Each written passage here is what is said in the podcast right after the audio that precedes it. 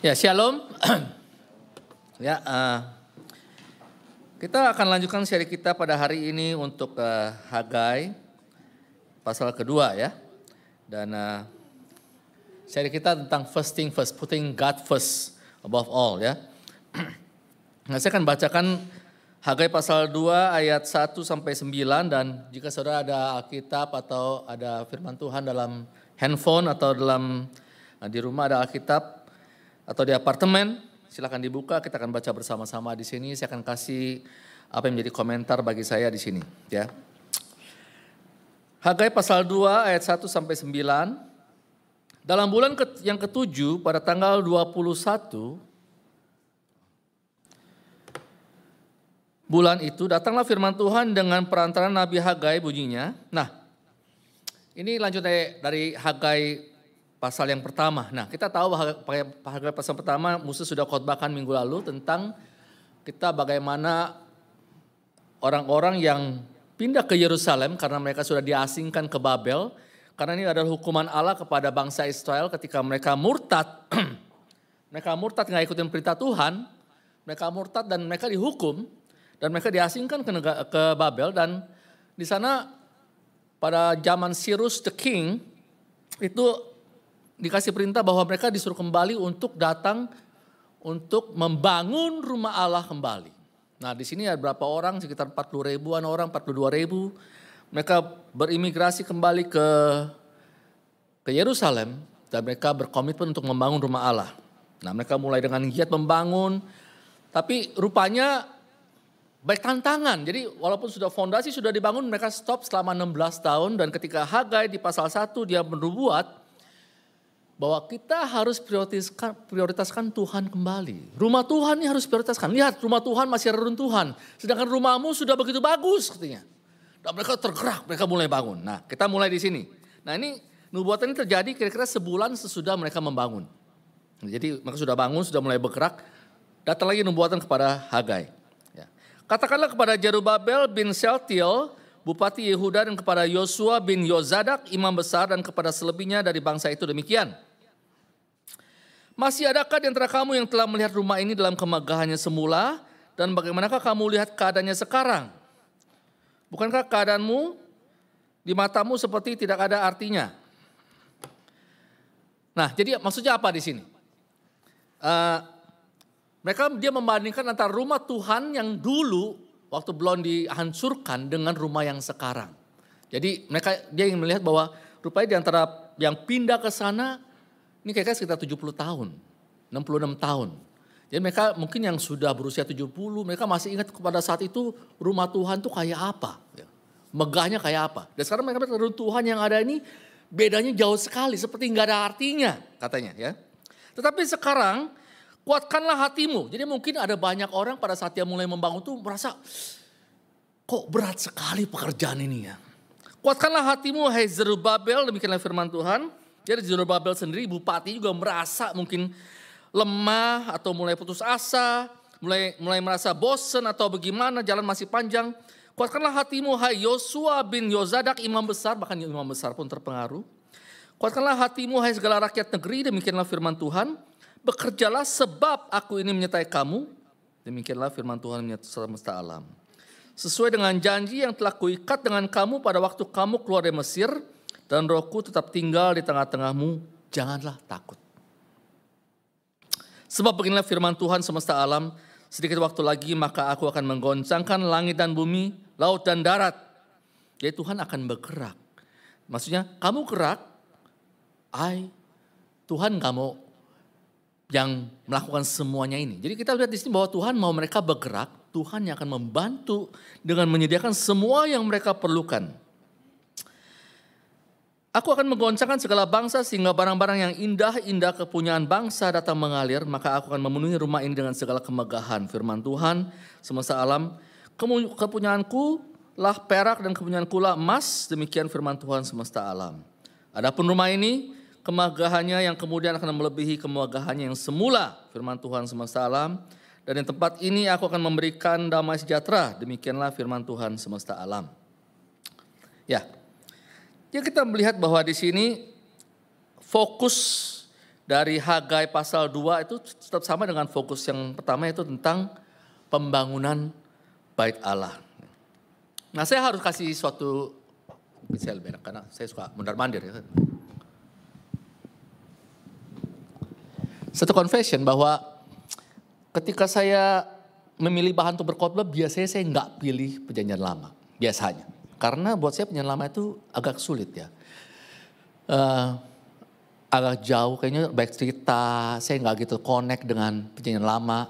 Jadi saya lebih milih biasanya perjanjian baru. Terus wah saya lebih lebih cocok nih lebih lebih mudah ya kan. Jadi juga dipilih Hagai saya punya waktu untuk belajar ternyata begitu banyak hal yang sangat relevan sekali dengan keadaan kita sekarang ya kan? yang saya nggak sadar sebelumnya. Nah jadi kita melihat sini Masalah tentang bait Allah yang sedang dibangun. Apa hubungan bait Allah yang sekitar 2500 tahun lalu yang dibangun dengan bait Allah uh, dengan kita sekarang? Nah, kita harus tahu bait Allah ini ya ini bait Allah yang kedua. Ya kan yang pertama sudah dihancurkan oleh Nebukadnezar. Ya kan? Jadi ini yang kedua, ya kan yang sedang dibangun, turun Tuhan yang sedang dibangun. Apa hubungan dengan kita? Ketika saya sedang bergumul dengan firman Tuhan dan Tuhan tunjukkan bahwa perjanjian baru mengajarkan bahwa kita ini adalah bait Allah. Tidak tahukah kamu bahwa kamu adalah bait Allah dan bahwa roh Allah diam dalam kamu.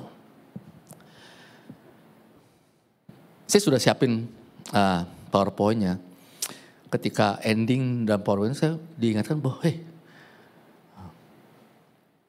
you are the temple of God. Karena roh kudus hidup dalam kita. Ketika kita sudah percaya pada Kristus. Waktu kita menerima Kristus sebagai juru selamat kita. Firman Tuhan berkata, You are the temple of God. Karena roh kudus hidup dalam kita. Jadi waktu kita bicara tentang tantangan, nubuatan dari Tuhan kepada melalui perantara Hagai kepada orang Israel di sana, engkau harus prioritaskan first thing first tentang membangun bait Allah ini sangat relevan dengan kita pada hari ini. Karena kita juga adalah bait Allah. Dan kalau kita melihat sebenarnya pada hari ini banyak bait Allah bait Allah kita itu yang sedang hidup dalam reruntuhan. Ya. Kita mungkin sibuk pelayanan. Ya, we might be active in the church, ya kan. Kita sibuk melayani di gereja bahkan. Mungkin saya sedang berkhotbah di sini. Tapi bait Allah dalam reruntuhan. Kenapa? Karena kita dipanggil menjadi bait Allah yang suci, sedang hidup kita banyak ketidaksucian. Ketika kita percaya pada Tuhan, kita terima Kristus, kita sudah melewati hidup kita bertahun-tahun dengan hidup yang tidak suci. Pikiran kita nggak suci, perkataan kita nggak suci, perbuatan kita nggak suci. Kita hidup dalam reruntuhan bait Allah. Jadi panggilan Tuhan kepada Hagai itu sangat relevan sekali pada hari ini. Karena ketika orang Israel dipanggil, kita juga dipanggil pada saat ini. Hey, look, look at your life. Lihat hidupmu. You are the temple of God. Seperti apa rumah Tuhan di hidupmu itu? Apakah orang melihat hidup kita sebagai Oh, this is the temple of God. You are the salt. You are kamu adalah garam dan terang dunia. Mereka bisa melihat Kristus dalam kehidupan kita. Atau mereka melihat hidup kita nggak ada bedanya dengan orang di dunia ini. Kenapa? Karena kita setiap hari bergumul-bergumul, kita tidak membangun bait Allah yang masih runtuh ini. Jadi buat saya, wah kalau saya melihat begitu, apa yang diajarkan oleh Hagai itu sangat relevan sekali pada hari ini karena we are the temple of God and we have the Holy Spirit. Kita punya Roh Kudus di dalam kita. Tapi kita hidup dalam dosa.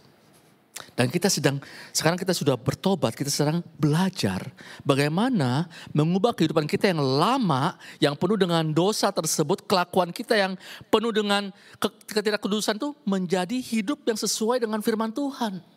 Nah ini perjalanan kita seumur hidup. Ya. Kita sedang membangun ke sana. Tapi sayangnya ada banyak orang yang tidak bergerak membangun.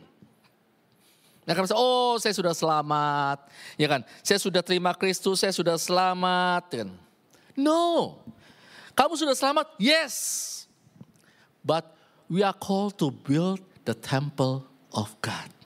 Sama seperti orang Israel dipanggil untuk membangun. We are called to build the temple. And the temple is us. The temple is us. Ya.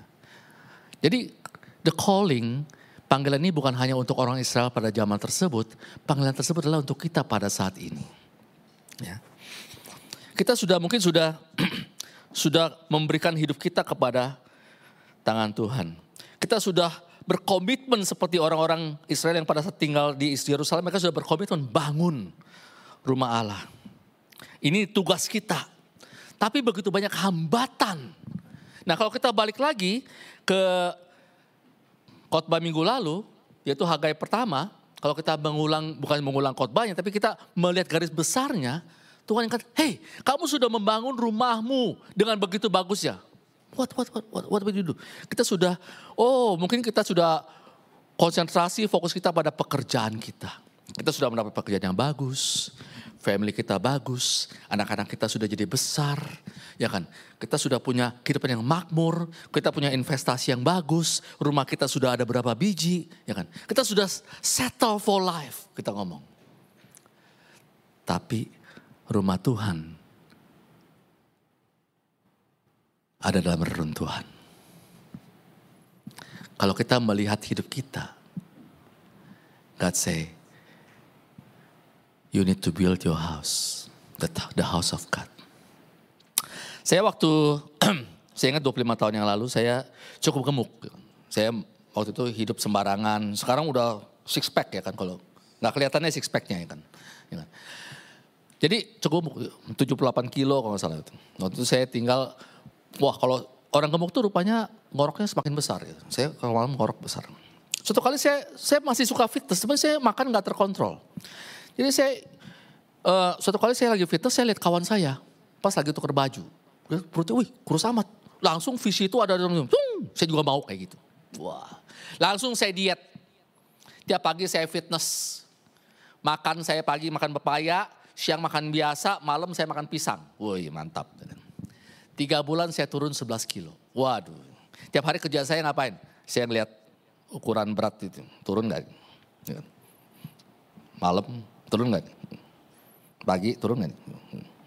Terus saya lihat kaca, wih badan saya. Saya bilang, Mik, lu disiplin juga ya soal soal soal fitness ya. Lalu seperti Tuhan menegur saya, ini saya masih ingat dengan jelas tuh. Oh, how disciplined are you about your spiritual life? Berapa disiplin kamu tentang spiritual life kamu? Kamu menghabiskan begitu banyak disiplin, yes. Tapi apa kamu fokus kamu pada your spiritual life? Apa kamu, this is the most important things. Our man task. Kita dipanggil untuk menjadi rumah Allah yang kudus. Aku disadarkan di sana, hey, I messed up. Prioritasku salah. Nah jadi pada saat di Haga yang satu itu kita melihat bahwa mereka sudah tergerak. Kita harus membangun rumah Allah. Kita harus fokus di fokus yang first thing first ini, yang benar. Yaitu bangun rumah Allah. Mereka mulai bekerja. Tapi kelihatannya seperti pekerjaan itu begitu besar. ya Tantangan begitu besar ketika mereka melihat di, di Hagai 2 ayat 3 ini berkata, wah mereka bandingkan. Coba kau bandingkan Tuhan firman Tuhan berkata. Lihat rumah Allah yang sebelumnya yang begitu megah, begitu mewah. Dan sekarang reruntuhan. Dan mereka mulai bangun. Butuh waktu empat tahun untuk bangun ini. Jadi mereka baru mulai nih. Pekerjaan seperti luar biasa besarnya. Banyak mereka yang sudah mulai bekerja merasa sanggup tak kita ya kan. Bisa nggak ya? Kayaknya nggak mungkin kita bisa ke sana. Jadi pekerjaannya luar biasa. Tantangan begitu banyak. Saya berhubung dengan lockdown, saya mulai kasih mulai ambil olahraga yang paling murah yaitu lari. Nah di lari itu rupanya ada tantangan juga ketika kita mulai lari ada godaan. Ya kan? Udahlah nggak usah lama-lama larinya. stop lah udah ya kan. Udah sampai capek. Jadi waktu lari, kalau kita mau terus sampai goal kita, kita harus bertahan. Ya kan? Bertahan. Nah jadi seperti ini keadaan orang Israel pada satu. Mereka mulai lemah. Ya kan? Mereka mulai merasa putus asa. Mungkin mereka mulai merasa kok berat pekerjaan ini ya. Kayaknya kita mungkin merasa gitu juga tantangan kita pada hari ini. Mungkin sebagai student, sebagai apa yang kita alami, kok kayaknya hidup ini susah ya. Kita mau mengajar, apalagi kalau kita bicara ini masalah soal membangun rumah Tuhan. Saya nggak tahu kalau saudara udah serius belum membangun rumah Tuhan. Saya ingat pada kita waktu sel group, kita bicara uh, tentang the conclusion of transforming our mind. Itu seri kita sebelum ini. Jadi kita fokusnya, oke okay, kita sudah bicara soal transforming our mind, kita sudah ngomong tentang bagaimana winning the battle of our mind, ya kan. Oke okay, sekarang what is our steps? Ya. Alangkah kita apa? Jangan kita hanya ngomong, oh ya saya mau transform our mind, yes, yes, it's good, it's good, ya kan. 100% agree, tapi kita nggak lakuin apa-apa, nggak berubah. Nah jadi sama juga, kita tantang ini, kamu sudah melihat begini, nah sekarang bagaimana? Ya kan? Di Hagai pasal 2 ayat 4 berkata demikian. Tapi sekarang kuatkanlah hatimu hai Jerubabel, demikianlah firman Tuhan. Kuatkanlah hatimu hai Yosua bin Yozadak imam besar. Kuatkanlah hatimu hai segala rakyat negeri, demikian firman Tuhan. Saya bukan ahli bahasa Ibrani, itu musuh yang lebih ahli dari saya. Saya nggak pernah belajar soalnya. Tapi saya ada contekan. Ya kan? Jadi saya tahu bahwa kuatkanlah hatimu itu be strong itu dari kata hazak. Tulisannya begini saya juga nggak tahu. Kata hazak, ingat hazak. Ya, katakan sebelah hazak gitu. Tahu ngomong sebelah hazak. Ngomongnya benar apa salah saya juga nggak tahu. Rupanya kata kerja di kata Ibrani itu banyak artinya ya. Jadi konteksnya itu seperti hazak itu seperti orang yang pakai uh, seatbelt ya orang pada bilang fasten your seatbelt ya. Dia di fasten tuh supaya nempel ke bangku kita itu nggak nggak ini. Jadi kalau kita ngomongnya seperti kamu bertahan, bertahan dengan visi yang sudah Tuhan berikan pada kamu. Bertahan di sana, ya kan? Jangan jadi lemah. Jadi kuatkan itu bukan berarti wah bagaimana saya menguatkan. Bertahanlah dengan visi yang sudah Tuhan berikan sama kamu, ya kan? Zerubabel dan kepada Yosua dan kepada semua rakyat. Bertahanlah. Kenapa? Karena kita merasa lemah. Ya. Kita merasa lemah. Jadi kita harus fokus pada visi yang sudah Tuhan berikan pada waktu kita dipanggil. Visinya gak pernah berubah. God calls you to be holy. Ya kan? Kita boleh lakukan segala pelayanan ini gak ada salahnya. Kita mau pekerjaan gereja bagus ya kan? Ngurus keluarga bagus, ya kan? Kita mau usaha bagus, disiplin bagus, cari usaha yang lebih bagus, bagus. But remember, what is the most important thing in your life? What God calls you to do. God calls you to build his temple. Calls you to build his temple. God calls you to be holy. Bertahanlah. Iblis nggak mau kalau kita, wah saya mulai mau bergerak nih. Ya kan. Tiap kali kita mau bergerak selalu ada aja ya kan. Saya mulai capek lah, nggak tahu mulai dari mana ya kan. Kadang-kadang kita bagaimana caranya. Ya kan. Itu yang firman Tuhan ajarkan sama kita. Hagai pasal 2 ayat 4b sampai 5. Bekerjalah sebab aku ini menyertai kamu Demikianlah firman Tuhan semesta alam. Sesuai dengan janji yang telah kuikat dengan kamu pada waktu kamu keluar dari Mesir. Dan rohku tetap tinggal di tengah-tengah kamu. Janganlah takut. Saya akan mulai dengan kata janganlah takut. Karena kita sekarang hidup dalam ketakutan. Tadi saya bicara sama Erlangga. Barang-barang mulai naik. Interest rate mulai naik. Inflasi naik home loan naik, gaji tetap. Jadi kita mulai katakan daya beli kita sekarang semakin berkurang. Ya. Ya. Jadi ada banyak ketakutan dengan pandemik selama dua tahun. Ada yang uh, mulai merasa lega sedikit perang Rusia dengan Ukraine. Menyebabkan barang-barang segala naik. Kemarin di Indonesia, kita balik ke Indonesia, akan balik ke Indonesia. Kita lihat, wah ada Pak Anies calon jadi presiden. Saya ikut grup SMA saya langsung buru-buru kita mulai rembuk. Oh lebih baik gue pindah ke Bali nih. Bali lebih aman. Langsung udah mulai siap-siap ya kan. Ya. We don't know what the future hold. Tapi Tuhan bilang janganlah takut. Fear not. Kenapa? Karena aku menyertai engkau. Janganlah takut kenapa? Karena Tuhan ada bersama-sama dengan kita.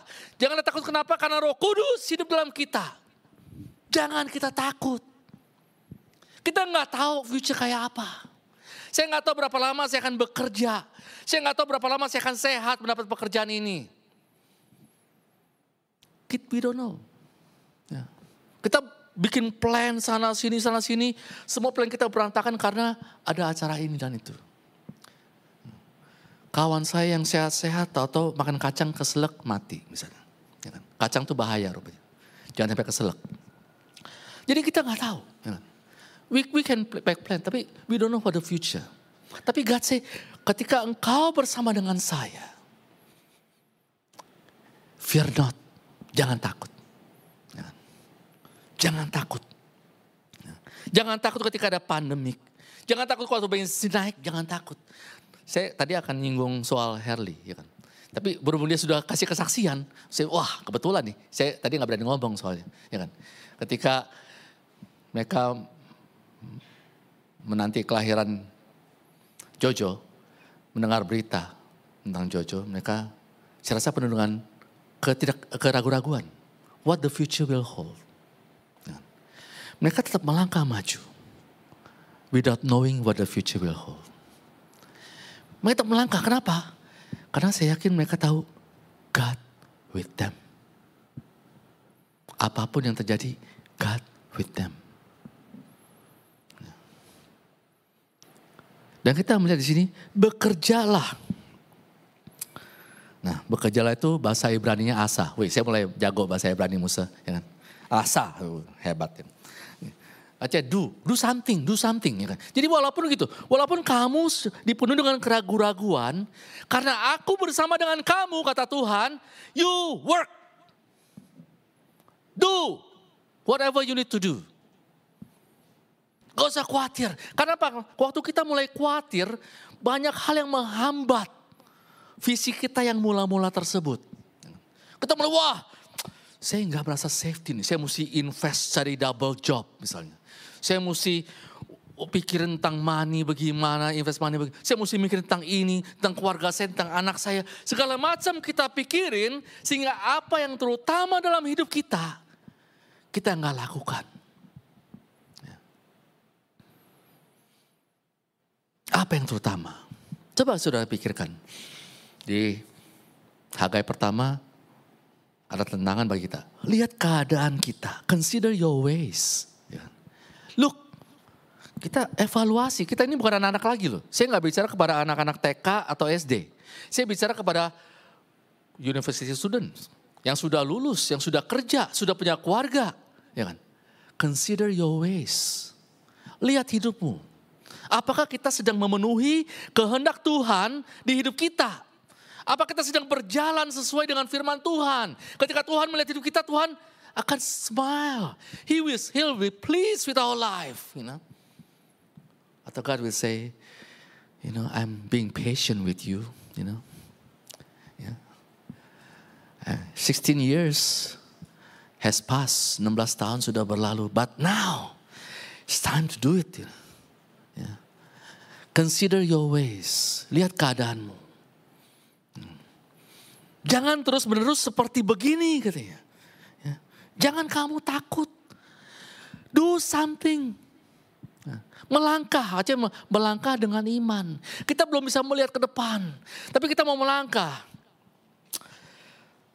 Kadang saya bicara dengan istri saya, Mary, dan uh, dia kadang berkata bahwa firman Tuhan itu sulit ya. Kita baca itu kadang-kadang kita nggak ngerti. I agree. Nggak semua firman Tuhan gampang walaupun ada bagian yang mudah. Tapi kalau kita punya keinginan untuk lebih dekat dengan Tuhan. Kalau kita punya keinginan untuk mau tahu Tuhan kita. Kalau kita punya keinginan untuk mengerti firman Tuhan itu bicara apa. God is there to help us. We have resource to help us. Tuhan sudah sediakan kekuatan, bahan atau semua ilmu untuk membantu kita untuk mengerti siapa dia. Ya. Yang penting kita mau bergerak. Saya mau nih. Saya mau nih. Ya kan? Jangan tuh jadi alasan kita untuk, wah terlalu susah bagi saya, sorry. Ya kan? Ya. Enggak, we have to move forward. Ya kan? We move forward, jangan move backward. Kan? Apa yang menghalangi saudara sekarang untuk moving forward? Apakah wall yang begitu, dinding yang begitu tinggi kita nggak bisa climb? Hambatan, godaan, worry, anxiety, masalah-masalah yang hidup dalam hidup kita, masalah apa pun, our focus still the same. Build his house. Ada suatu ketika seorang senator di Amerika, mereka dia mengunjungi Mother Teresa di Calcutta dia melihat Mother Teresa itu melayani orang-orang yang sakit, yang udah mau mati, yang ditinggalin keluarganya, nggak ada yang perhatiin. Dia dengan suster-suster dia yang perhatiin, dia yang basuh, dia yang basuh luka-lukanya, dia yang kasih mereka makan saat-saat terakhir sebelum mereka mati. Satu dua hari kemudian mereka mati. Ya.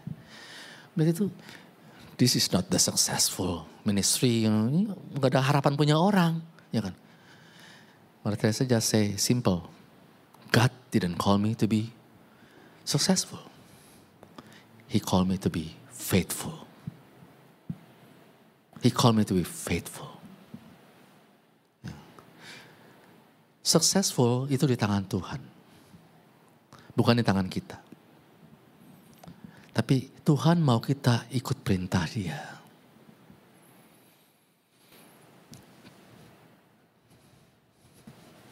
Coba kita pikirkan.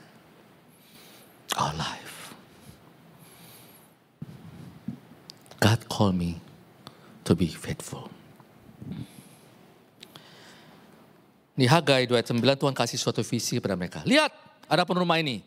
Kemegahannya yang kemudian akan melebihi kemegahannya yang semula. Tuhan kasih janji pada mereka. Kasih visi kepada mereka. Lihat, rumah yang kau bangun ini akan menjadi lebih megah. Ya. Nantinya yang tempel yang kedua ini yang akan disebut juga sebagai Herod's Temple karena Raja Herod akan merenovasi dan membangun dengan lebih megah lagi, lebih besar lagi dari sebelumnya akan benar-benar jadi lebih megah sebenarnya. Ya kan? Akan menjadi lebih megah dari kemegahan yang semula. Dan di tempat ini aku akan memberi damai sejahtera. Jadi ini visi yang Tuhan kasih. Bahwa tempat ini damai sejahtera, shalom. Ya. Another Hebrew word, Ibrani, shalom. Tuhan akan kasih shalomnya kepada kita.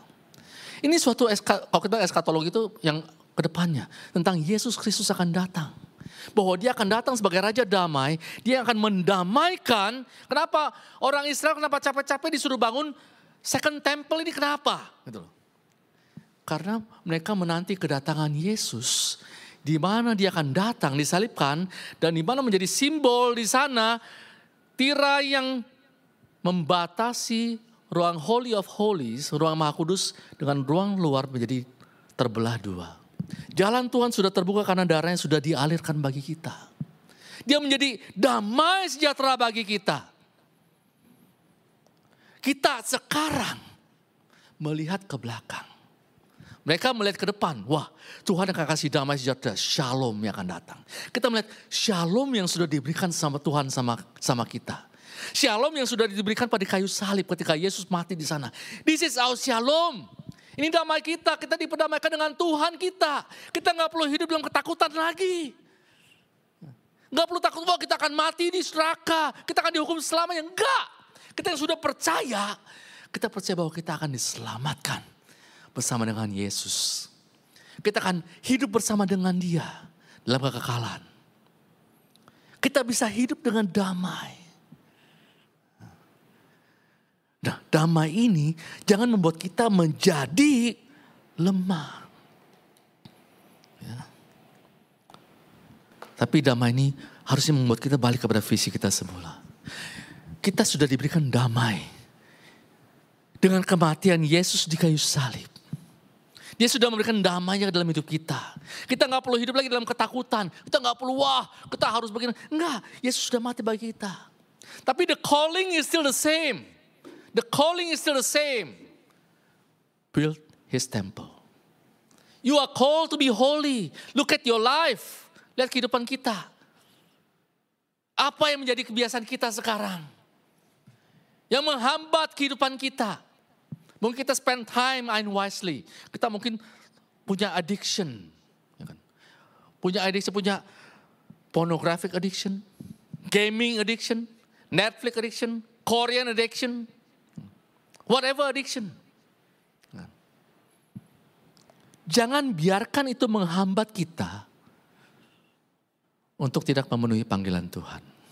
Mungkin kita harus bertindak mulai hari ini. Oke, apa yang menghambat saya? Mungkin saya harus menghilangkan game saya. Saya harus delete, uninstall, unsubscribe. Mungkin bagi kita, wah kita suka spend a lot of time on TikTok misalnya. Who knows? Gitu. Saya pernah subscribe ke TikTok. Wih, kok jadi lihat TikTok terus ya? Akhirnya saya delete TikTok saya. Kayaknya nggak bagus. Whatever, whatever. Saya nggak bilang bahwa saya sudah berjalan jauh. Tapi saya juga mulai belajar sama-sama dengan saudara sekalian. Kita belajar bersama-sama. Hey, let's follow the calling. First thing first, putting for the first thing. What's the purity of our life? Apa yang menjadi terutama? God calling us to build His house. And that house is us. God calling us to be holy. Look at your life. The calling is not bukan untuk orang Israel pada zaman dulu saja. The calling pada hari ini adalah untuk kita semua. Look at your life. Do something. Do something. Work. Start the first step, second step. From now. Mari kita bangkit berdiri.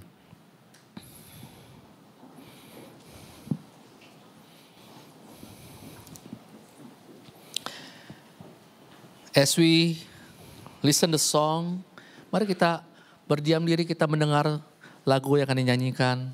Lord I need you. Dan kita mulai evaluasi. Apakah selama ini kita sudah berjalan sesuai dengan firman Tuhan. Ada banyak hal di hidup kita, kita merasa kita ini seperti reruntuhan. The temple of God. Dan kita perlu membangunnya. Dan kita belum mengambil first step, bahkan fondasinya sendiri belum ditaruh di sana. We have to start our first step. We have to start say, God, this is me. Show me Lord what to do. Tapi fokus kita harus balik. Harus balik kepada What is God calling us to do? What is God calling us to do? Tutup mata kita. Kita berdiam diri, kita mendengar Heli nyanyikan lagu ini. Dan kita berdoa kepada Tuhan. Lord, I come, Biar Tuhan tunjukkan sama kita. I confess, bowing here, I find my rest. Without you, I fall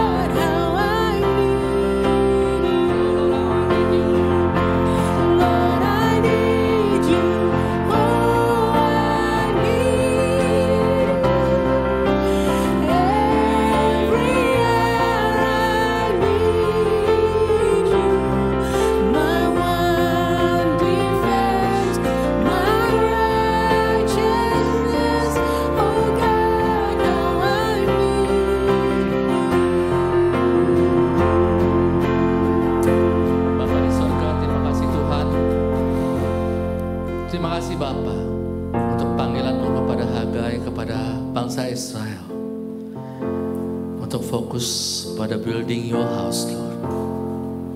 And that house is us, Lord. And we thank you for the challenge today. You're calling to us. It's time to focus. It's time to focus to your house. How to live a holy life before you, oh God. To change our habits. To change our thoughts life. To change everything about us. As you said, you are the temple of God. Thank you, Jesus, Thank you. for making us temple.